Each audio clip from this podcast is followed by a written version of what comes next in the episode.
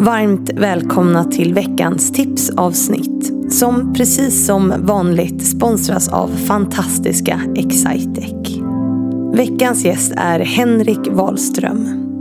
På söndag släpps ett avsnitt där vi pratar om vår delade frustration över att det inte räcker med att se hur systemet missgynnar andra för att vilja vara en del av förändringen. Och Henrik, han gästade ju som en manlig förebild. Sådana som ni vet att jag gärna vill lyfta fram. Därför att jag tror det är avgörande. Att de som ofta gynnas av systemet lyfter på locket och pratar om varför de själva tycker det är viktigt att stötta sådana som inte gör det. Men vi pratar inte bara om hur vi kan få fler män engagerade i jämställdhetsfrågor.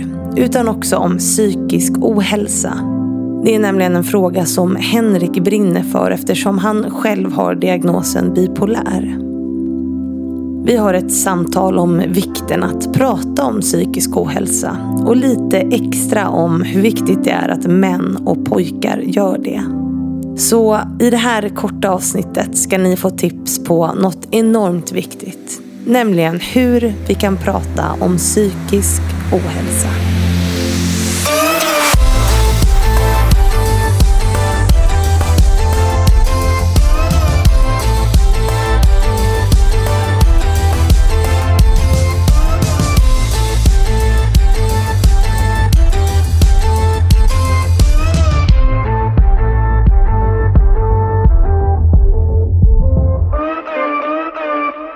Vi säger varmt välkommen till Henrik Wahlström. Tack, tack. Mosiga efter en lång poddinspelning.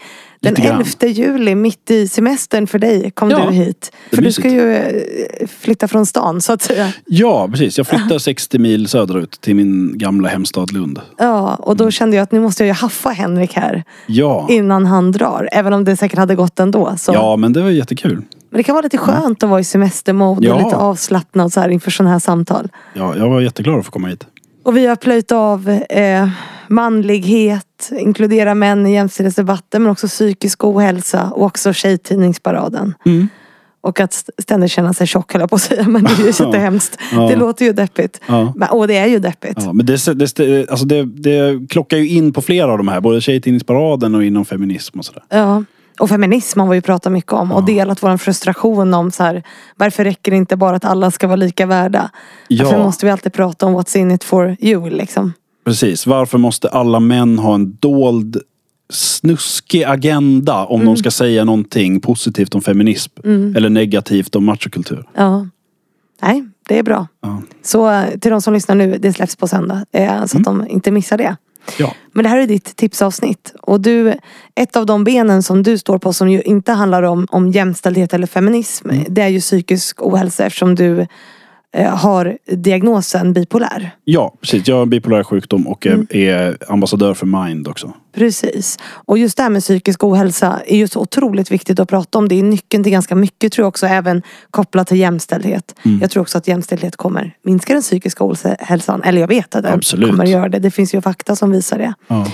Men jag tänker att idag ska du få hjälpa oss lite med hur kan vi prata om psykisk ohälsa? Mm. Så jag lämnar över till dig. Ja, hur kan vi tala om psykisk ohälsa? Det är så lätt att tipsa och så svårt att följa tipsen i sånt här. Därför att det här är ord som har så svårt att komma ut ibland. Det är verkligen en komma ut process många gånger när till exempel folk som kanske har fått en diagnos och som är den enda som vet om det nu och, och måste berätta om detta. Det är att man, man måste liksom släppa en bomb, man måste berätta någonting som man inte kan ta tillbaka sen och man vet inte riktigt hur det kommer tas emot. Hur accepterande och öppen är den här personen som jag ska berätta för? Ehm, Även om vi tror att vi känner dem. Vad har vi för fördomar och sådär? Eh, Och därför så är det så lätt att säga, men, bara berätta. Det är så, så enkelt kan det vara. Bara, bara säg som det är. Men jag fattar och vet hur svårt det är. Det tog mig 12 år att göra det. Men det han, en, liksom, första steget är ju, kan du säga som det är, så gör det. Alltså i det läget där man, där man känner att jag mår jättedåligt och jag kan inte jobba på grund av detta. Det behöver inte vara någon, alltså en, en livslång eh, diagnos eller så, utan det kan vara bara att du mår dåligt just i detta nu. På grund av någonting som har hänt eller inte. Att då faktiskt kunna säga till din chef eller till den, den som behöver höra det att jag kan inte jobba därför att jag har så mycket ångest. Jag mår jättedåligt och kan inte fokusera på någonting annat än att bli bättre just nu. Att våga berätta det är så mycket värt. För att du visar, du, du öppnar upp för att kunna kanske få hjälp av de som finns omkring dig. Eh, Du hjälper, du krattar vägen för nästa som har samma problem. För att det är inte alls omöjligt att chefen du berättar för har också haft det. Det är till och med troligt att det är så. Därför att psykisk ohälsa är den allra vanligaste orsaken till sjukskrivningar i Sverige idag. Allra vanligaste. Vilket betyder att vad du än så att säga hittar på att för annan ursäkt så är det det konstigare. Eh, Det är, är faktiskt så enkelt att du, om du kan berätta om det så gör det. Sen vet jag hur svårt det är, men försök. Och som ett, ett slags andra tips som är direkt kopplat till detta är att om du vill berätta eller om du känner att du är på en position där du vill att folk ska berätta för dig. Så använd den här symbolen som jag har tagit fram och som sprider sig mer och mer och mer. Den, den finns på upp och ner.nu. Som är det här hjärtat som allt fler lär sig att känna igen att den som har det här hjärtat, den kan jag våga berätta för. Detta är någon som faktiskt vill veta och som har tillräcklig insyn i det här för att kunna ge ett schysst svar. Liksom. Och det kan då även vara för dig som kanske då sitter på en position där du vill att dina anställda till exempel ska våga berätta. Eller att du sitter i en situation där du, där du vet att det kan vara extra svårt i vårat yrke till exempel att berätta.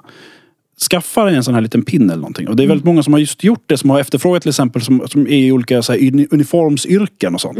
Jag vill ha en liten diskret pin som kan säga detta.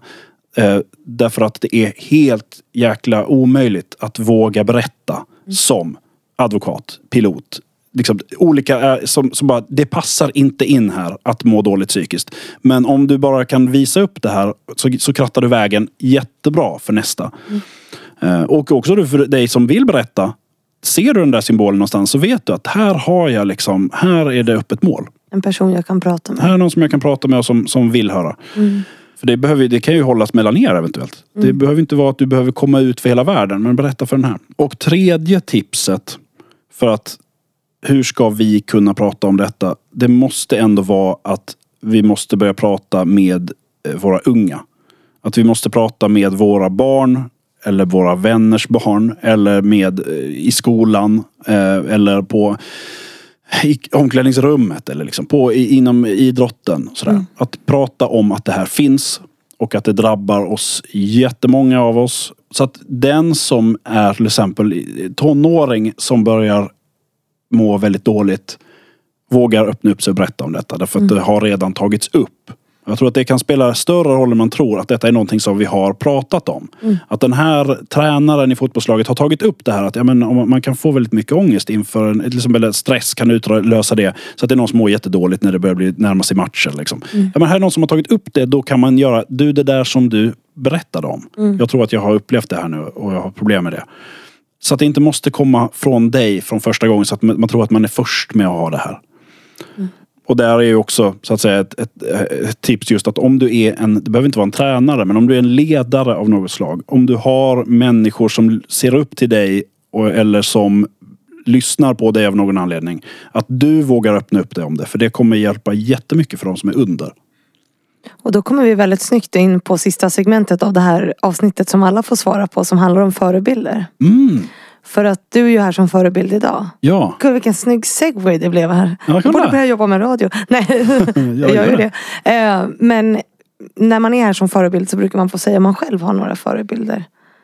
Och Oj. det är alltid oförberett för att det är det spontana svaret. Som det mesta i och för sig är Fannys förebilder. Men Oj.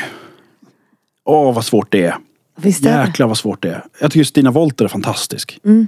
Hon, alltså, hon bryr sig inte ett skit samtidigt som hon bryr sig jätte, jätte, jättemycket om saker. Mm. Eh, vilket är en, en väldigt häftig... Eh, hon är häftig på alla sätt. Med det som hon lägger ner själ och hjärta i och sitt konstnärskap och sina texter. Mm. Och eh, kampen för mot kroppshets till exempel. Mm. Så hon är fantastisk på det viset. Och sen så tycker jag att det finns så många förebilder i den, den unga miljörörelsen. som är fantastiskt in, inom liksom Fridays for Future. Jag kan inte bara nämna Greta utan hela den rörelsen. Liksom. Att eh, verkligen våga ta det här helt avgörande frågorna liksom head on och ta det hela vägen upp till liksom regeringsnivå och ännu större sammanhang. Det tycker jag är skithäftigt. Ehm, och sen så måste jag ändå säga min farmor som inte lever idag.